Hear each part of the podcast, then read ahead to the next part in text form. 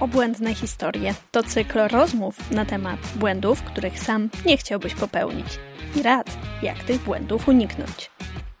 Moi goście podzielą się z Tobą wiedzą i doświadczeniem, opowiadając o biznesowych lub projektowych wpadkach i porażkach. Poznaj kulisy obłędnych historii. Zapraszam, Justyna Izydorczyk.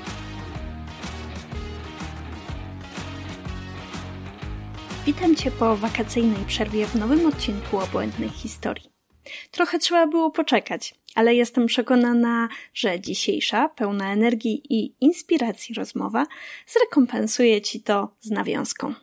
Moim gościem jest Alina Magowska, Chief Research Officer w Allegro, absolwentka studiów MBA, psycholożka, kognitywistka. Jak sama mówi, prowadzi największy zespół badań w Polsce – a robi to z sukcesem od dziewięciu lat.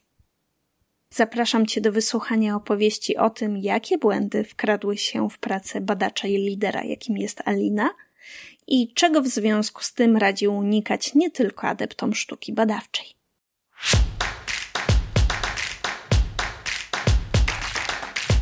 Alina, dziękuję bardzo, że zechciałaś e, podzielić się z nami e, swoimi historiami błędów. Wiem, że masz w zanadrzu dwa, więc zacznijmy może od pierwszego. Opowiedz proszę swoją historię. Jasne, no, bardzo dziękuję Ci za zaproszenie i też zachęcam wszystkich do wysłuchania do samego końca, bo myślę, że będzie bardzo ciekawie. um, Na początek to ja sobie tak myślę w ogóle, że zacznę od tego, że nie oszukujmy się, nikt nie lubi popełniać błędów, prawda? Ja e, też jestem taką osobą, która no, jest chyba daleka od tego. E, I myślałam sobie też e, właśnie, jak, e, jak dostałam to zaproszenie, to od razu mi przyszła do głowy taka myśl o tym efekcie zwycięzcy. Mhm. Żeby nie mylić o mm, z klątwą zwycięzcy, to jest taka koncepcja Robertsona, i ona mówi o tym, że my jesteśmy tak przyzwyczajeni do tego, jeśli ktoś jest przyzwyczajony do tego, że tak cały czas odnosi te sukcesy i wszystko mu się udaje, no to faktycznie kolejne, yy, kolejne idą za tym, bo jest się bardziej skupionym, bardziej takim zmotywowanym, no ale ta porażka wtedy bardziej boli. I myślę sobie właśnie o tym, że yy, że ja tak mam, że, że w sumie miałam to szczęście od samego początku, że w sumie wszystko raczej tak mi się wydawało, że wychodziło, albo przynajmniej nie widziałam tych porażek, bo ja wszystko sobie racjonalizuję. Mm, I, e, I tak sobie też myślę, że na sam początek też jedną z takich myśl końcowych powiem, że te porażki po prostu trzeba polubić. Mhm. I uczyć się z nich. I to jest może takie oczywiste, ale warto to zaznaczyć na samym początku. Ja y, też takim jeszcze słowem wstępu, idąc tą myślą, y, to właśnie na swoich studiach na, na MBA-u właśnie nauczyłam się tego, że no, nie ma e, straconych szans, ale są jeszcze niewykorzystane możliwości. To jest taka myśl ekonomiczna. E, I też e, właściwie z tą myślą, z chęcią zaczęłabym naszą rozmowę. Bo faktycznie jest tak, że w tym obszarze, o którym dzisiaj pewnie będziemy mówić, o obszarze badań, w budowaniu doświadczeń, najlepszych doświadczeń klienta, którym to się specjalizuje, no tych braków sukcesu, czy, czy właśnie popełniania błędów może być sporo, bo to jest całkiem e, nowy obszar, który też rośnie, który gdzieś tam się wciska między biznes, a między technologię e, i on polega trochę na eksperymentowaniu, więc myślę, że to jest też taka specyfika samego obszaru, e, którym się zajmuje. I też Dlatego idąc dalej, jeszcze kolejna myśl końcowa na samym początku, to to, że w takim obszarze muszą pracować osoby, które, które faktycznie te porażki nie tyle, no dobra, nie tyle lubią, ale potrafią e, wyciągać bardzo szybko z nich e, lekcje. E, I, I tak, faktycznie, ja bym mogła dzisiaj Ci opowiadać pewnie o, i, i Wam wszystkim, o, o, o wielu porażkach, o wielu właściwie błędach, które może popełniłam, bo porażka też tak się tak negatywnie kojarzy, prawda? Tak. No właśnie, tak. tak jest nacechowana. Tak, jest mhm. bardzo nacechowana, e, a one są no, konieczne do tego, żeby, żeby faktycznie ten sukces odnieść, bo tak jak mówię, że to jest też część eksperymentowania. Mm, I, I, tych różnych błędów było wiele. Ja jakoś mm, ciężko mi odpamiętać jakieś takie błędy związane właśnie z metodologią, e, a już jednak e, jakiś czas w obszarze, e, obszarze tym pracuję, czyli badań. Mm, więc jakoś tak metodologicznie ciężko mi przypomnieć sobie taką, taką wpadkę, o której mogłabym dzisiaj powiedzieć. Natomiast ja myślę, że to, co najbardziej mnie zabolało i jakąś taki, jakiś taki błąd, który do dzisiaj pamiętam, e, to było e, bardziej związane z tym, jak podeszłam do, e, do realizacji badań. Czyli bardziej ze strategią i bardziej z tym tak zwanym buy-in, czyli wkupieniem tych badań do, do podjęcia decyzji E, na bardzo wysokim poziomie, czyli takich decyzji, od których e, zależy nasz, e, nasz biznes. No i taką, no cóż, taką, taką pierwszą, myślę, wpadką, już o której powiedziałam podczas konferencji UX Research Confetti, ale myślę, że dzisiaj warto o niej trochę więcej powiedzieć. No to była taka taka, mm, taka wpadka związana z tym, dlaczego badania nie były właściwie, że badania nie były częścią procesu produktowego, e, ani nie miały swojego właścicielstwa. E, no i znowu na samym początku zdradzam, co będzie później, ale, e, ale myślę, żeby się też tak zakotwiczyć na tym, co, co tutaj się wydarzyło. Więc historia ma się Mm, od początku tak. My jako, jako Allegro skupiliśmy się na profesjonalizacji serwisu i e, od wielu lat bardzo silnie właśnie pracujemy nad tym, żeby to B2C było naszym takim tutaj e, korem. Natomiast e, natomiast no, gdzieś tam ta sprzedaż od klientów do klientów. E, powiedzmy, nie skupiliśmy się na niej e, w tamtych latach e, tak bardzo. Skupiliśmy się natomiast na strukturyzacji oferty. Jeszcze pewnie niektórzy pamiętają takie miniaturki bardzo kolorowe, miniaturki, czyli te zdjęcia, które widzimy na listingach. One miały swoje przeróżne tła, często bardzo, bardzo takie no, rzucające się w oczy, no i postanowiliśmy to wystandaryzować. E, to był taki pierwszy krok też do tworzenia świata produktowego, e, czyli takiego bardzo profesjonalnego, sklepowego. No ale nadal gdzieś właśnie ta sprzedaż wokół klient do klienta była dla nas e, i jest dla nas bardzo ważna, no bo w Allegro dbamy o to, żeby mieć bardzo szeroki asortyment, również takie perełki, czy też po prostu rzeczy używane z drugiej ręki. Więc, e, więc e, chcemy po prostu zadbać o to, żeby, żeby ta selekcja była, była pełna. Mm, no i faktycznie zdarzyło się tak, że z, jak to my mówimy, z samej góry, chociaż, e, chociaż też nie lubię jakiegoś takiego hierarchicznego pojęcia, e, ale faktycznie e, byłam też w nowej roli i, e, i dostałam takie pytanie, mm, czy właściwie ta, ta sprzedaż, ona powinna jakoś osobno funkcjonować w serwisie, ona powinna być częścią naszego serwisu. Jak powinniśmy w ogóle do tego podejść e, strategicznie?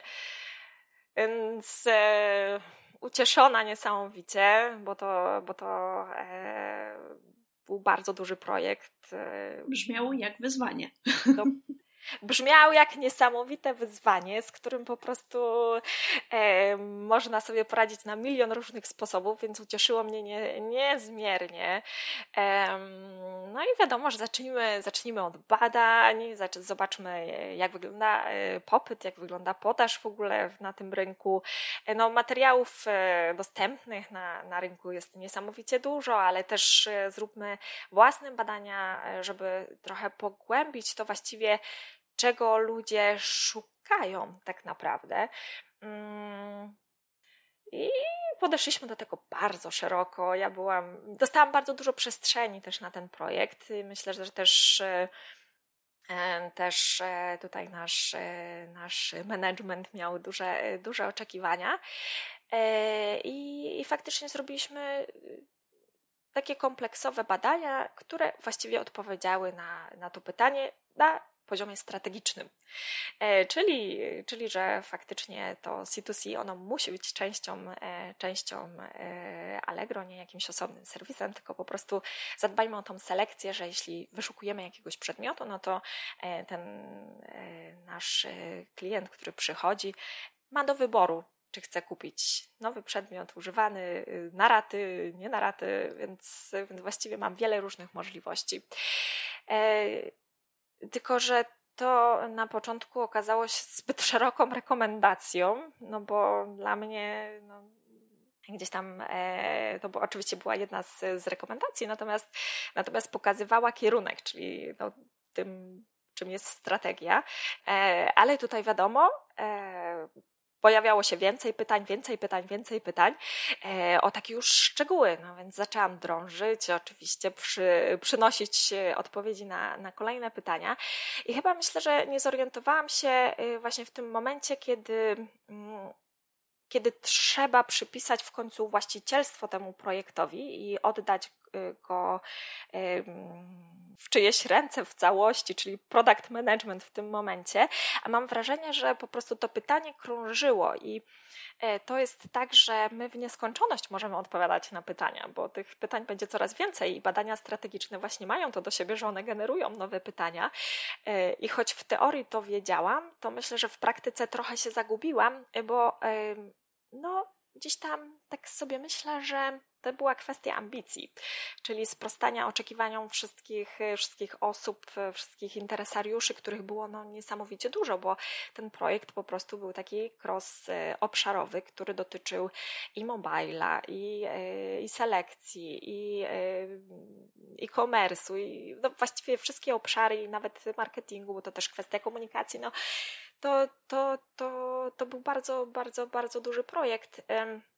I myślę, że właśnie e, ta kwestia właścicielstwa, tego, że ja właściwie wzięłam to pytanie jako w tym momencie badacz na siebie, mm, ale właściwie nie miałam takiego partnera do rozmowy w tym, e, w tym, e, w tym całym projekcie. I zdałam sobie sprawę, że po prostu te badania są w ogóle oderwane. One są z kosmosu. Tutaj nie ma żadnego procesu projektowego, produktowego.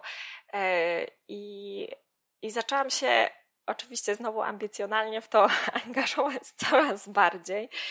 Mm, dochodząc do momentu, kiedy to właściwie e, razem tutaj z małym zespołem zaczęliśmy projektować już rozwiązania na samym początku. Także myślę, że to była kwestia takiego mm, pomieszania też e, etapów, e, które miały następować po sobie, a, y, a skumulowały się po prostu w, tylko w pierwszym kroku, czyli w strategii, która nagle miała odpowiedzieć na, e, na, na wszystko. Tak trochę y, tobie powierzono też zadanie product managera, nie mówiąc tego wprost, i ty się w nie zaangażowałaś. Czy dobrze, dobrze to odczytuję? Bo tak jak mówisz, że zaangażowaliście się już w projektowanie rozwiązania, e, to wzięliście na siebie tę odpowiedzialność, a nadal nie było decyzji, kto finalnie się tym obszarem zajmie i będzie podejmował e, ostateczne decyzje. Dokładnie. I, e, I to było niesamowite. Myślę, że to była właśnie kwestia tych nad, nadambicji i myślę, że to jest też, e, też e, coś takiego, co co nas często prowadzi do, jakichś, do, do popełniania błędów, że chcemy zbyt wiele. I e, to jest też taka chyba nauka, że e, faktycznie każdy etap ma swój czas i każda z osób ma swoją rolę w tym procesie produktowym i to jest bardzo ważne, żeby faktycznie on był kompletny e, i absolutnie nie da się zrobić tego wszystkiego badaniami, łącznie z projektowaniem, testowaniem i monitorowaniem w jednym naraz, e, bo, e, bo faktycznie musimy to wszystko po prostu bardzo dobrze zaplanować. I to być może jest taka oczywistość, mm, natomiast, no, natomiast przez to, że chce się sprostać tym wszystkim oczekiwaniom, oczekiwaniom wziąć na siebie bardzo duży projekt, no to też trzeba, trzeba jednak go trzeba mieć chyba takie doświadczenie i dystans, myślę, w tym, w tym też, żeby się nie zakopać. A gdybyś miała sobie sprzed tamtego czasu doradzić, w którym momencie powinnaś powiedzieć stop i w którym momencie już powinnaś poprosić o inne rozdysponowanie ról i właśnie przede wszystkim ułożenie procesu, ułożeniu e, ról i odpowiedzialności, czy na samym początku? No bo wiadomo, kiedy otrzymujesz jako pracownik e, duże wyzwanie, chcesz się wykazać, chcesz chociażby dotknąć tego e, potencjału, żeby zweryfikować, czy on istnieje, czy nie no i wiadomo, że kulą śnieżną potrafi się to e, ułożyć tak, że w końcu zaczniesz projektować, ale w którym momencie powinien być ten e, moment stopu i poważnej rozmowy z przełożonymi, że to trzeba inaczej ułożyć? Wiesz co, pewnie, pewnie zrobiłabym to przy pierwszym stopie właśnie, czyli przy, przy pierwszych wnioskach, które mieliśmy, przy pierwszych rekomendacjach, które właśnie były rekomendacjami strategicznymi e, i nie wkopywałabym się po prostu dalej w ten projekt. Myślę sobie też i, i to doświadczenie nauczyło mnie tego, że badacz musi być też trochę takim mm, konsultantem e, i widzieć więcej, bo My jesteśmy właściwie na e, samym początku jako badacze. My jesteśmy na samym początku, ale też towarzyszymy rozwojowi e, produktu przez całe jego życie. Tak. E, I to jest właśnie niesamowite i piękne w tej, w tej pracy, w tej roli przy produkcie, mm, że bardzo dużo o nim wiemy. I też wiemy o produkcie, ale też widzimy, co się dzieje za kulisami czyli widzimy też ludzi, widzimy e, też proces, e, e, bo musimy być bardzo czujni, kiedy wejść, a kiedy się nie wtrącać, kiedy dać właśnie ludziom przestrzeń na podejmowanie decyzji. I ja sobie myślę, że właśnie to był moment. Trochę to jest tak, ja się śmieję mm, z racji swojego wykształcenia tutaj psychologicznego i kognitywistycznego, to czasami przekładam to na przykład na język takiej terapii, chociaż terapeutą nie jestem, ale sobie myślę, że właśnie to milczenie e, w terapii to jest właśnie ten oddech, który trzeba dać w procesie produktowym, e, właśnie na podjęcie decyzji e, przez interesariuszy i osoby, które po prostu tę decyzję muszą podjąć. Mhm. A powiedziałaś, że się rozpędziliście, zaczęliście projektować rozwiązanie. Jakie były konsekwencje tej, tego wyścigu i jak on się skończył? E, no, dość oczywista to była sprawa. My y, po prostu y, krążyliśmy wokół kolej odpowiadania na kolejne pytania, e, testowania kolejnych hipotez, bo bardzo dużo osób zaczęło się w ten proces angażować z racji tego, że nie był właścicielem e, niczym właściwie, więc każdy był właścicielem. I doszliśmy po prostu do niczego w pewnym momencie, do, do takiej ściany ten projekt, dodam już, że ten projekt teraz ma się bardzo dobrze i e, teraz występuje tutaj pod postacią Allegro lokalnie. Natomiast też materiał z tych, z tych badań wykorzystaliśmy później. Natomiast wtedy, kiedy faktycznie on dostał e, swój proces po prostu. Mhm. I właścicielstwo. I właścicielstwo. I e, te badania absolutnie nie poszły na marne. Tutaj wyznaję zasadę zero waste research, więc, e, więc tak naprawdę wszystko wykorzystaliśmy i, e, i absolutnie e, nie było tutaj żadnego braku wyrzucania wniosków i było to bardzo potrzebne, bo mieliśmy materiał do działania, ale ale to jest, y, to jest to, tak, że badania nie są oderwane od procesu. Myślę, że to jest też e, chyba taka bolączka agencji badawczych, które, które oddają swoje raporty. Potem nie wiedzą, co się z nimi dzieje. Oczywiście teraz bardzo dużo agencji pracuje bardzo blisko swoich e, klientów, no ale nadal gdzieś w pewnych momentach to ginie, e, potem znowu się odradza.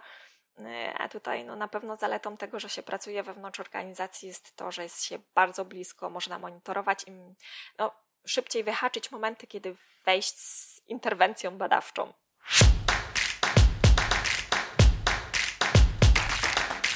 Wiem, że właśnie masz też na swoim koncie doświadczenie z, ze współpracą z zewnętrznymi badaczami e, i, i tego, jak wtedy się pracuje, jak można wykorzystać e, ich wnioski.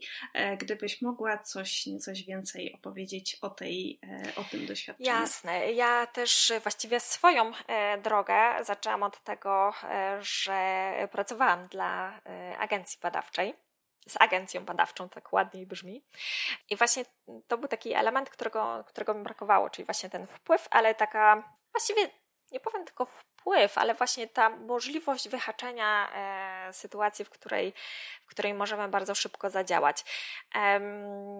ja też właśnie jakiś czas temu, e, myślę, że to była taka masz rację, że to była taka druga moja wpadka chyba, e, nie tylko E, badawcza, ale myślę, że też liderska i, i też warto o tym wspomnieć. E, to był moment, kiedy mieliśmy mm, przed jeszcze wejściem e, tutaj naszym spektakularnym na, na giełdę jako, jako Allegro mieliśmy przygotować taki raport, który pokazywał nas w kontekście też innych liderów rynku, czy też właśnie jakiejś inspiracji, jak my sobie radzimy, gdzie jesteśmy, w którym miejscu. I tutaj pomyślałam o tym, że dobrze byłoby mieć nie tylko nasze wewnętrzne źródło wiedzy, e, czyli wykorzystać tutaj moce naszego zespołu wewnętrznego, ale też e, oczywiście gdzieś tam e, spojrzeć obiektywnie na to, jak inni nas oceniają na pewnej skali. Ale to, do czego dążyłam i to, gdzie, gdzie chciałam tutaj razem z zespołem zrobić eksperyment, to to, żeby stworzyć własne narzędzie e, do e, ewaluacji, którym będziemy mogli się posługiwać e, przez długie lata. I muszę przyznać, że to był taki raport, który stworzyliśmy, no nie chcę go nazywać taką czy tam analizą konkurencji, powiedzmy analizą stanu, takim UX performance to nazwaliśmy. To był bardzo, bardzo jest ciekawy raport do dzisiaj.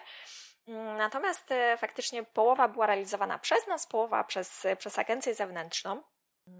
No i przyszedł moment, kiedy już zebraliśmy wyniki, wszystko szło e, bardzo, e, bardzo sprawnie. Nawet muszę przyznać, że, że mimo dużego tempa to gdzieś tam udało się do, dotrzymać terminy, terminów.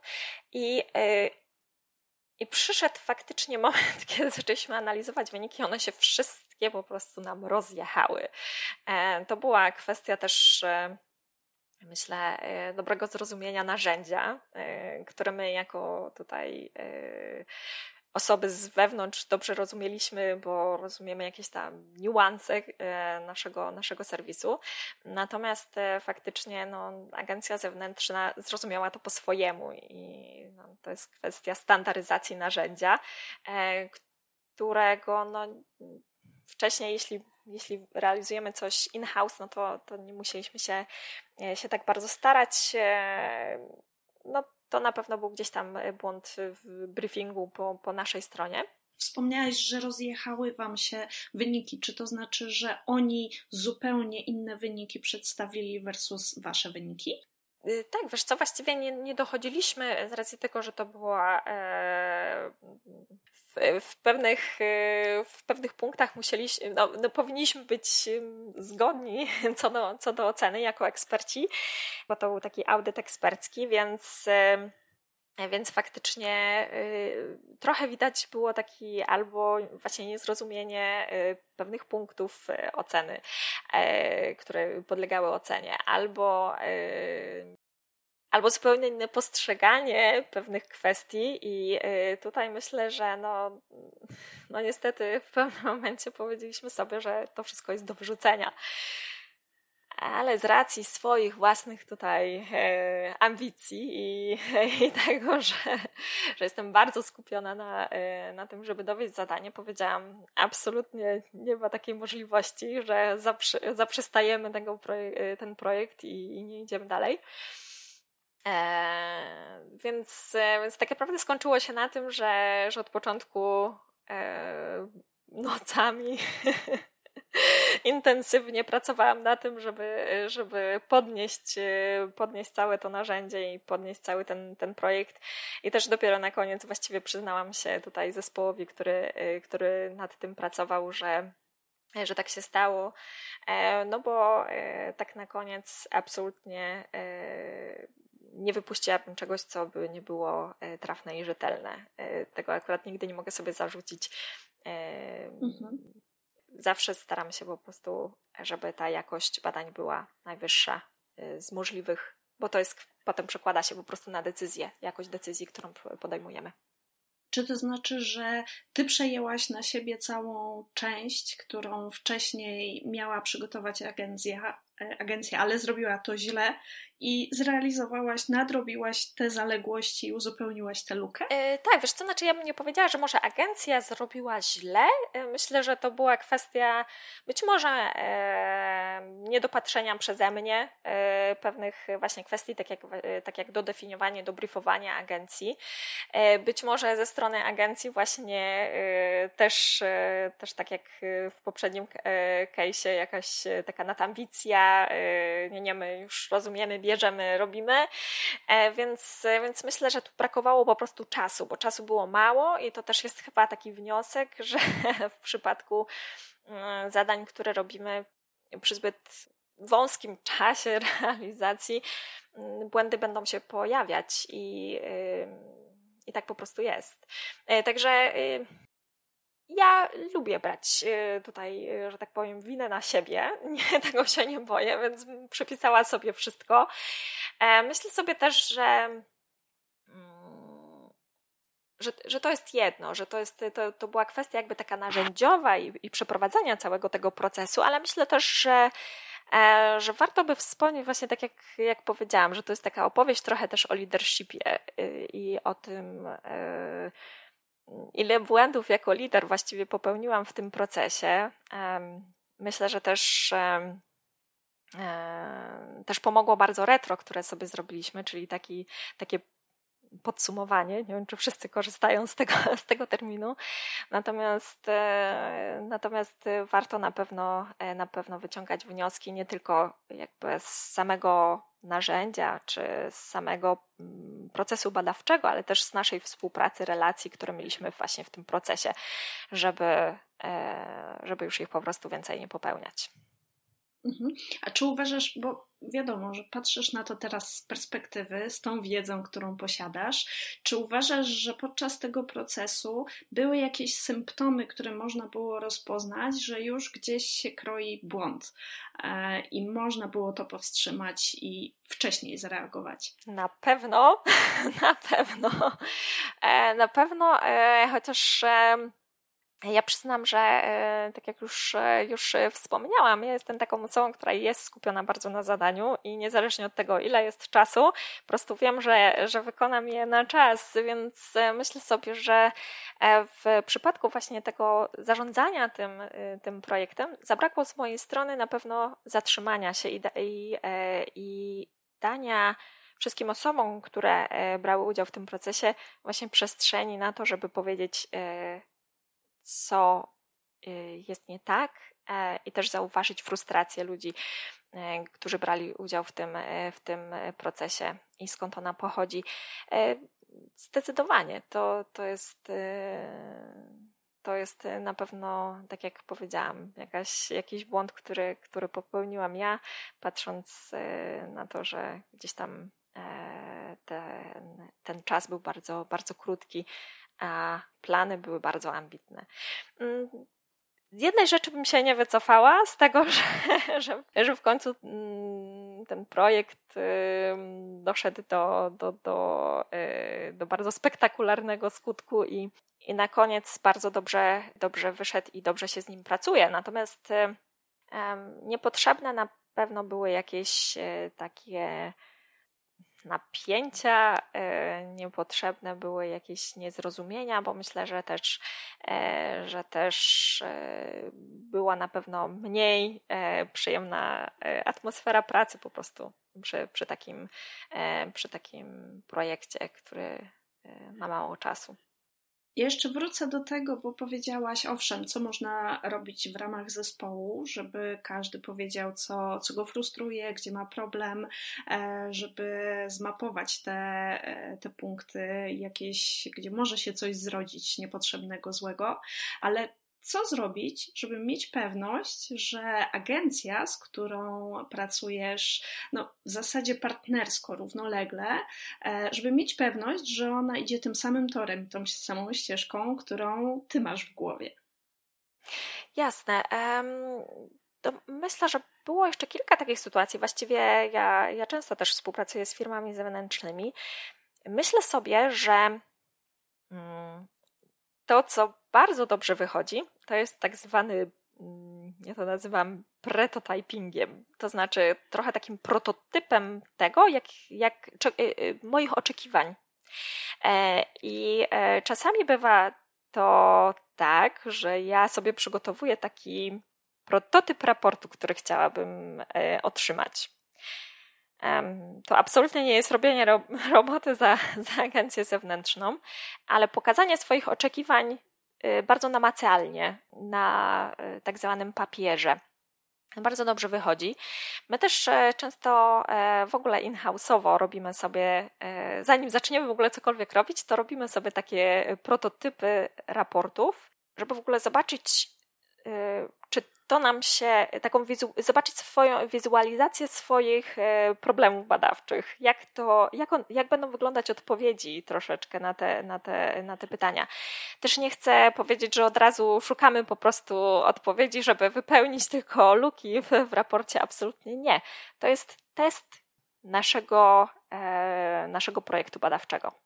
I to bardzo pomaga e, we współpracy z, z agencjami, e, bo trochę pokazuje, do czego, e, do, do czego dążymy, albo właśnie czego szukamy. Jakbyśmy chcieli zwizualizować na przykład dane, co mamy w głowie. Oczywiście, jeśli agencja zaproponuje coś innego, no to, to też przyjmujemy to otwarcie, Natomiast y, chcemy mieć pewność, że jesteśmy po prostu, e, mówiąc tutaj e, po staropolsku, e, na tej samej kartce papieru, mm -hmm, na tej samej stronie. A gdybyś dziś stanęła przed tym samym wyzwaniem, jak byś zaplanowała to, tę realizację? Ok, prawdopodobnie byś zrealizowała to, o czym teraz mówisz, tak? czyli taki protoraport. A co jeszcze mogłabyś podpowiedzieć osobom, które no właśnie właśnie mają przed sobą wyzwanie pod tytułem współpraca ramię w ramię z agencją? Mhm. Na pewno bardzo dobre zapoznanie agencji z problemem. Może mm, zaproszenie do, e, do, do projektu, wdrożenie takiej osoby maksymalnie, właściwie poddanie tej osoby takim przebodźcowaniu e, różny, różnym informacjom, bo e, taka osoba, ja sobie myślę, że musi stać się, e, taka osoba, która prowadzi projekt dla nas, musi stać się przez chwilę trochę jakby częścią zespołu e, i e, częścią tego projektu po prostu bardzo mocno, żeby go zrozumieć. E, ja też jestem zawsze dostępna, czy też osoby, które po prostu biorą udział w, w danym projekcie i, no, brzydko mówiąc, zlecają to, to badanie. Na pewno y, jesteśmy bardzo otwarci na to, żeby odpowiadać właśnie na, na wszelkie pytania i tego też oczekujemy, bo ja sobie myślę, że, y, że taka y, agencja zewnętrzna no, ma podwójną robotę, bo ten, ten, to zbieranie potrzeb interesariuszy jest taka, takie podwójne jakby, bo nie dość, że trzeba się bardzo dobrze przyjrzeć właśnie samemu projektowi, to też jeszcze działając właśnie przez, taką, przez taki zespół badań, e, no to jeszcze trzeba przejść ten filtr y, mm, in-house'owego zespołu. Więc na pewno to są, to jest przewarsztatowanie tego, tych problemów e, poświęcenie czasu na to, żeby dobrze ustawić to badanie, bo reszta pójdzie, e, pójdzie e, sama za tym wszystkim, jeśli to wszystko będzie bardzo dobrze na początku e, omówione i przemyślane. Mhm. A czy istnieje ryzyko, że na przykład razem z agencją zdublujecie się pracami? Nie, nie, nie. To tutaj poczucie kontroli na pewno nie pomoże. Nie, nie sprawi, nie dopuści do tego, że, że, takie rzeczy się, e, że takie rzeczy się wydarzą. Myślę, że to jest właśnie kwestia dobrego ustawienia badań, dobrego zadania pytań na samym początku mm, i określenia problemu, zakresu e, badań. Także to jest, e, to jest po prostu klucz do wszystkiego, e, moim zdaniem. Sam początek i dobre zrozumienie. Bardziej na co bym zwracała uwagę, to to, żeby przetestować zrozumienie tego mm, jeszcze raz i jeszcze raz i jeszcze raz.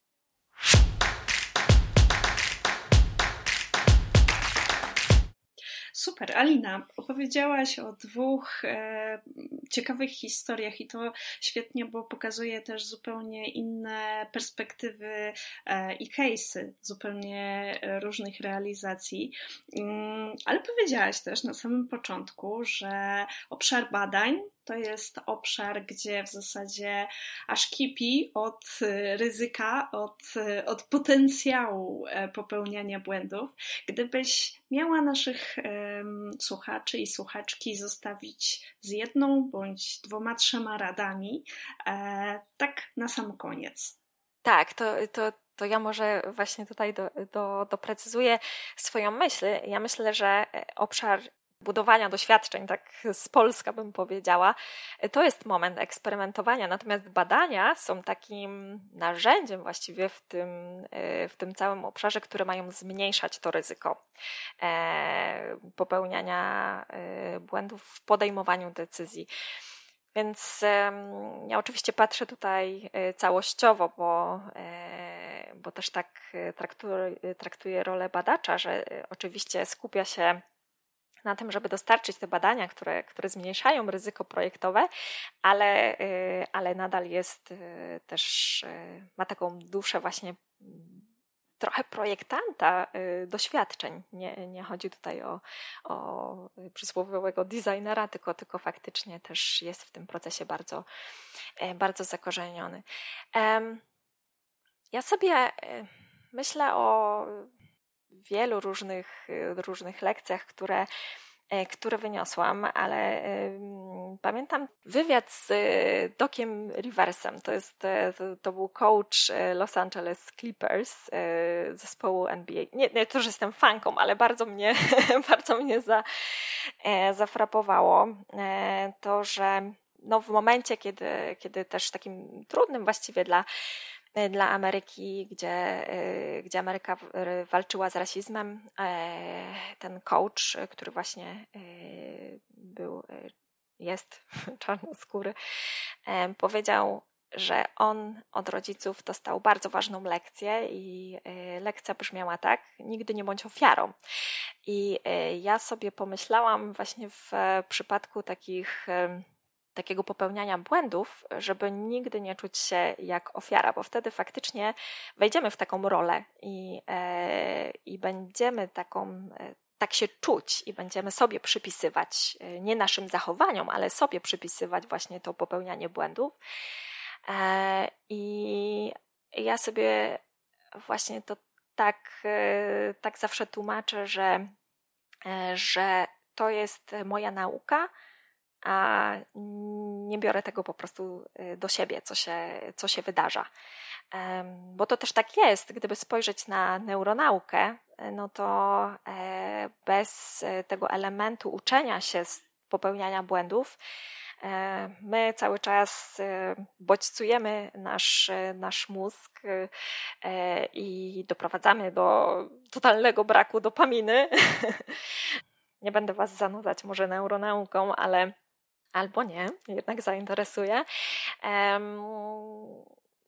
Że, że bez tego e, elementu uczenia się w, w popełnianiu błędów, e, to wtedy dopiero można by powiedzieć, że to jest porażka, że wtedy po prostu zostajemy mhm. E, trochę z niczym i faktycznie wtedy to nie jest absolutnie składowa sukcesu, tylko, tylko porażka, nie wyciąganie wniosków z tego, co, co zrobiliśmy. Tak sobie pomyślałam też o, e, o jeszcze jednej osobie, która mnie inspiruje, to jest Richard e, Feynman, to znany e, tutaj fizyk. I nie tylko, ale on właśnie powiedział o tym, że że porażka jest e, niesamowitym e, źródłem doświadczeń e, i uczenia się właśnie. I, i on też w swoich książkach, które są niesamowicie zabawne i gorąco polecam, właściwie opisywał to, jak często mm, nie zdążył z czymś, albo też e, właśnie nie został zrozumiany, e, co też właściwie jest jakimś, jakąś formą e, właśnie takiego niepowodzenia, mm, ale z każdej z tych sytuacji wyciągał, wyciągał lekcje i, i uczył się. To jest bardzo ważne. Myślę sobie o tym, że mm, że w sumie y, jako, jako liderzy jesteśmy, y, jesteśmy w różnych sytuacjach, w których podejmujemy decyzje i, i, i właśnie budujemy relacje i y, może zatrudniamy kogoś, może musimy się z kimś pożegnać. E, I każda z tych, z tych decyzji jest na pewno bardzo, bardzo ważna i powinna być niesamowicie przemyślana.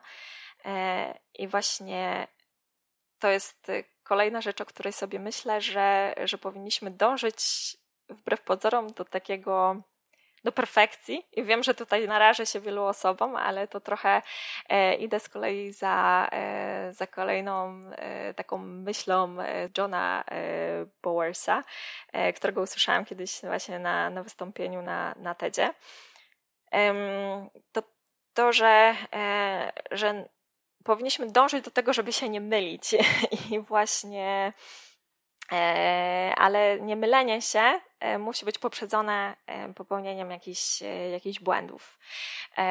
I to jest po prostu nierozłączne. To jest element tego, żeby dochodzić do tej, do tej perfekcji. I, ja też w swoich, w swoich działaniach właśnie dążę do tej perfekcji, ale nie boję się popełniać błędów, bo wiem, że, e, że są one e, właśnie ich e, składową. To jest też godne, godne polecenia, bo faktycznie tutaj John podał kilka takich sytuacji, w których no, faktycznie popełnianie błędów byłoby dość, dość krytyczne, na przykład wysyłanie ludzi w kosmos, którzy muszą stamtąd wrócić, bądź też tutaj w obszarze mm, medycznym. E, więc to nie jest tak, że teraz e, e, przyzwólmy sobie na, na to, że ach, popełniamy błędy na lewo i prawo, ale po prostu właśnie mm, z kolei wracając do tego pierwszego punktu, nie uczenia się z, z błędów, moglibyśmy się gdzieś zagalopować. I ostatnia rzecz, o której sobie też tak myślę, to to, że każdy, to jest kolej, kolejny cytat, ale teraz już same takie mi przychodzą do głowy, nie, nie swoje słowa, że każdy zwycięzca jest, jest trochę na początku przegranym. To były z kolei badania, które przeprowadził taki uniwersytet Northwestern e, w 2019 roku e, i e, nawet był opublikowany w Nature. Oni badali właściwie trzy obszary naukę, e, startupy i e, bezpieczeństwo. E, właściwie terroryzm, ale nazywali to bezpieczeństwem.